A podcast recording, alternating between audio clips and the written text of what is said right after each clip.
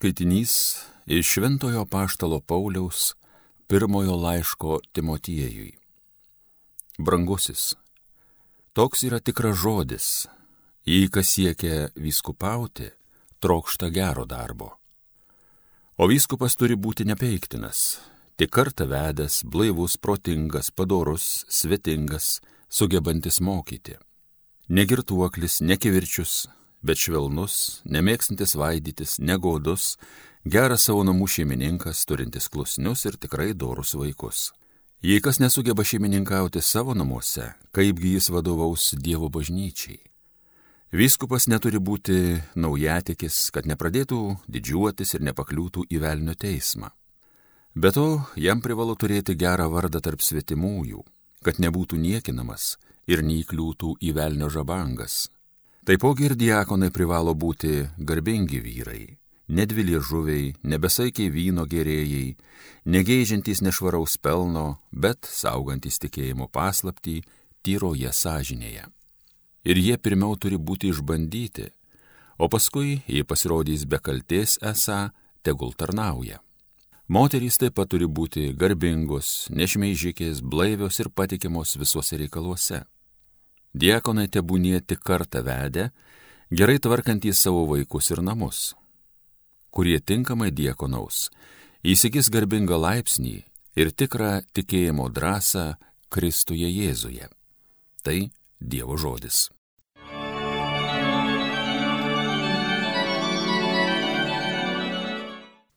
Sažinė gryną turėsiu.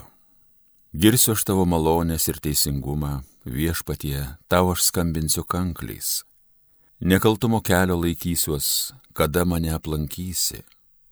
Sažinė gryną turėsiu. Sažinė gryną turėsiu savo namų žydinį, žvilgsnio niekad nekreipsiu į piktus daiktus. Sažinė gryną turėsiu. Kas už akių ims juodint kaimyną, tramdyti stengsiuos. Galva kas kels puikybės pritvinės, to nepakesiu sąžinę gryną turėsiu. Meiliai žiūrėsiu į savo žemės ištikimuosius, jie visi bus man bičiuliai. Kas doro kelio laikysis, tą aš priimsiu tarnauti. Sąžinę gryną turėsiu. Alleluja,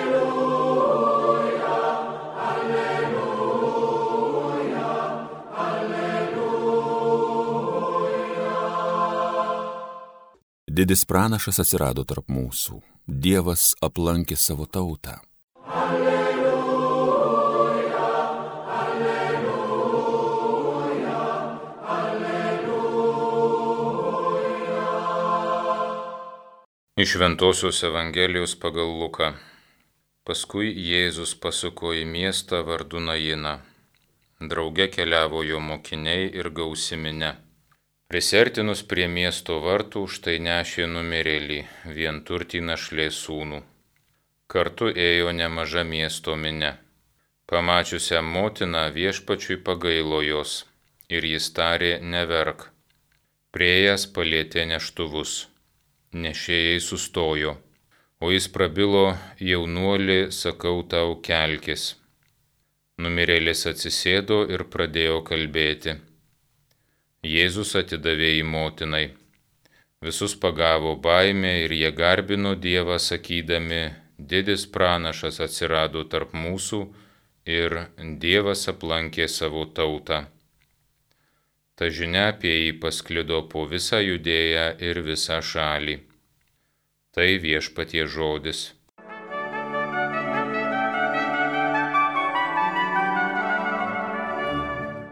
Mūsų tautos poetas Maironis rašė, nebeužtvenksi upės bėgimo. Iš techninių mokslų pusės tokį pasakymą galėtume sukritikuoti. Žmogus užtvenkia net didžiulės upes ir panaudoja jas savo reikalams. Jis gali ir dar daugiau.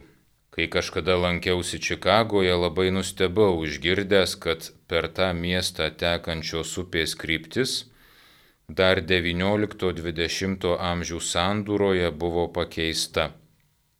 Žmonės padarė, kad upė tekėtų į priešingą pusę.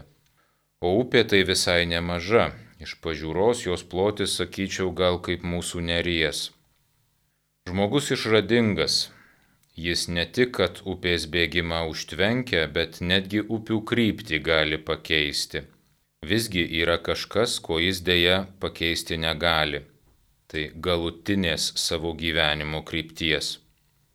Šiandienos Evangelijos ištraukoje girdime kad susitinka dvi eisenos, dvi sakytume žmonių upės, nes evangelistas rašo, kad ir vienoj ir kitoj eisenoj buvo nemaža žmonių minė. Viena yra gyvybės eisena, kurios priekyje Jėzus. Jis eina į Naino miestą, o jį seka mokiniai ir, kaip minėta, gausiminė. Miestas, kaip ir šiais, taip ir anais laikais, buvo gyvybės vieta vieta, kur yra žmonių, kur verda gyvenimas. Jeigu per dykumas keliaujantis išsekęs keleivis pamatydavo tolumoje miestą, tai reikšdavo išgelbėjimą, nes mieste jis gaus vandens, maisto ir pastogę.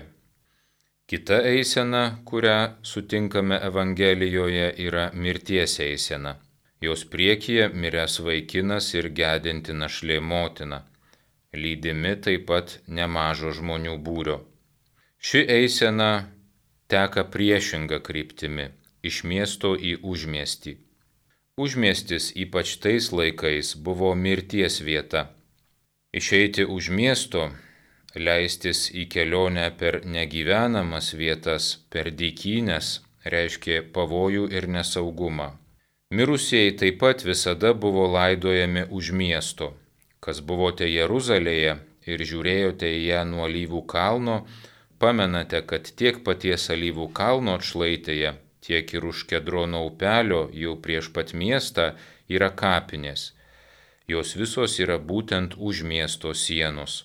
Galime prisiminti, kad ir Jėzus nukryžiuoti bei mirti ir būti palaidotas buvo išvestas už tuo metinio Jeruzalės miesto sienų nors šiais laikais tai žinoma jau yra miesto dalis. Taigi ši antroji eisena, nešanti laidoti mirusį jaunuolį, simboliškai reiškia žmogaus ir visos žmonijos gyvenimo kryptį po nuodėmės. Žmonija po pirmojo žmogaus Adomo nuodėmės buvo išvyta iš rojaus sodo, iš gyvenimo vietos. Ji išėjo į dykvietę, ir visas žmonijos gyvenimas pakrypo mirties link, į virtimą dulkę, kaip sakoma pradžios knygoje, dulkė esi ir į dulkę sugrįši. Todėl ši laidotuvių eisena Evangelijoje tarsi kiekvieno žmogaus gyvenimo upė, kuri neišvengiamai teka žemyn į mirtį.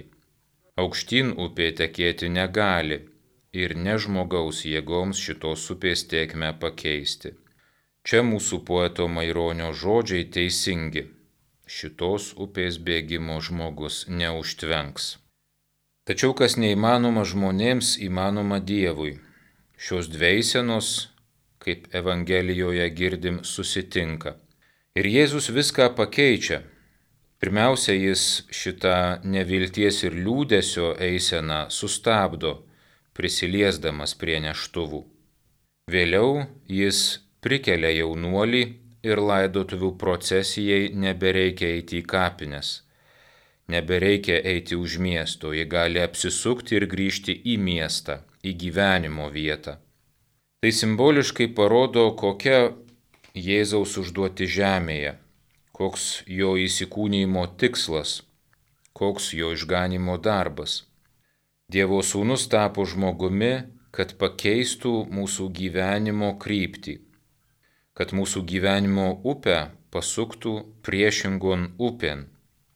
Jis atėjo, kad dovanotų mums gyvenimą, kad mūsų gyvenimas tekėtų ne žemyn į mirtį, bet aukštyn į amžinybę. Kristus ir šiandien kiekvienam iš mūsų tarė tuos pačius žodžius, kuriuos anuomet ištarė tam mirusiam jaunuoliui, sakau tau kelkis. Iš ko Kristus kviečia keltis mane? Gal iš kažko blogo, į ką pats esu įklimpęs?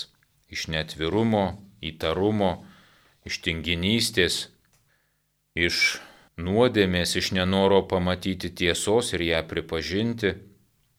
O gal Kristus kviečia keltis iš kažko, kas yra mane prislėgę iš baimės, iš užgriuvusios skausmo. Atkreipkim dėmesį, kad Evangelijoje Jėzus prikelia ne tik mirusį jaunuolį, bet ir nebejotinai dvasiškai sugniuždytą jo motiną. Juk motinai laidoti savo vienturtį sūnų turėjo būti visiška tragedija. Pirmiausia, tais laikais jai tai reiškia grėsinti skurdą ir badą. Ji jau buvo našlė, o dabar neteko ir sūnaus. O netekti šeimoje vyro, anais laikais moteriai reiškia tikrą pražūtį. Bet manau, labiausiai ši motina sielvartavo ne dėl savęs ir ne dėl skurdo, kuris jai grėsė, o dėl vaiko. Jei turėjo plyšti širdis, matant jį mirusi. Todėl ir Jėzus pirmiausia atkreipia dėmesį į motiną ir pirmiau kreipiasi į ją, sakydamas neverk. Jis ir ją nori prikelti, suteikti jai naujo gyvenimo vilties toje situacijoje, kur ji pati jau nieko negali pakeisti. Taip ir mus užklumpa gyvenimo negandos, prieš kurias esam bejėgiai. Po jų naštą suklumpam ir patys niekaip nebepakylam. Bet ir tokiuose situacijose Kristus ateina mūsų susitikti ir kviečia, sakau tau, kelkis. Jeigu tik išgirstame jo žodį, Jeigu tik priimame jo Evangeliją, mūsų gyvenimas neberieda į amžinąją mirtį. Mes vėl keliaujame ne į mirties dikynę, o į amžinąją gyvybės miestą, į Dievo karalystę.